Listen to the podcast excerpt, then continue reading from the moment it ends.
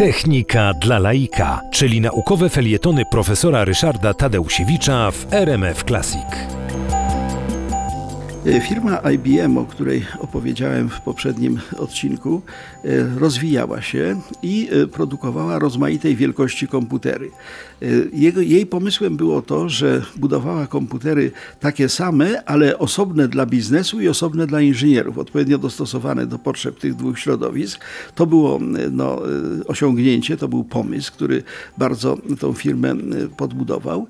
Natomiast no, w 1964 roku e, syn e, Thomasa Watsona, czyli Thomas Watson Jr., e, wymyślił komputer, który zawojował świat. Mianowicie IBM 360. To była cała rodzina komputerów. Wszystkie wyglądały, znaczy działały podobnie. Obsługa była podobna, więc w związku z tym raz nauczywszy się używania takiej maszyny, można jej było używać zarówno w tych rozmianach większych, jak i mniejszych. I wobec tego seria komputerów IBM 360 od małych poprzez średnie aż do superkomputerów, y, no, stworzyła nową rzeczywistość, stworzyła nową jakość w informatyce.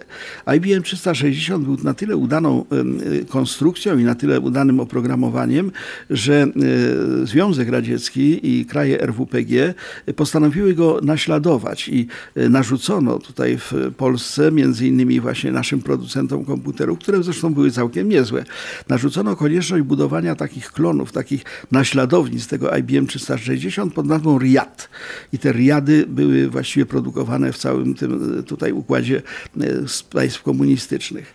No, wydawało się, że firma IBM już ma, że tak powiem, cały rynek pod sobą. Tymczasem e, z nienacka, z nagła pojawiła się konkurencja i to zupełnie taka nieoczekiwana. Mianowicie komputery IBM były komputerami wielkimi, nawet wymyślono dla nich taką nazwę mainframe, prawda? Ten wielka maszyna, wiele osób korzystało, wiele zadań można było równocześnie wykonywać.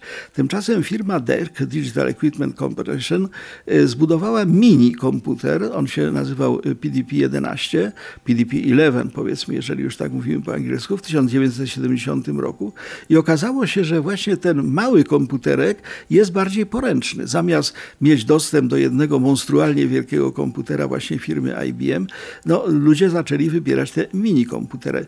To był początek e, właściwie tego, że no, IBM zaczął tracić rynek. Ponieważ mikrokomputery stały się bardzo modne, wobec tego Don Estridge, inżynier IBM, zbudował takie, taką maszynę, którą nazwano IBM 5150. Taka sobie maszynka. Y, pod nazwą IBM PC ona zawojowała świat, dlatego że firma IBM tak dalece pogardzała tymi małymi komputerami, że pozwoliła wszystkim za darmo robić naśladownictwa, czyli tak zwane klony. No i w 1981 roku rozprzestrzeniły się na cały świat właśnie klony IBM PC i one właściwie w tej chwili wyznaczają kierunek informatyki.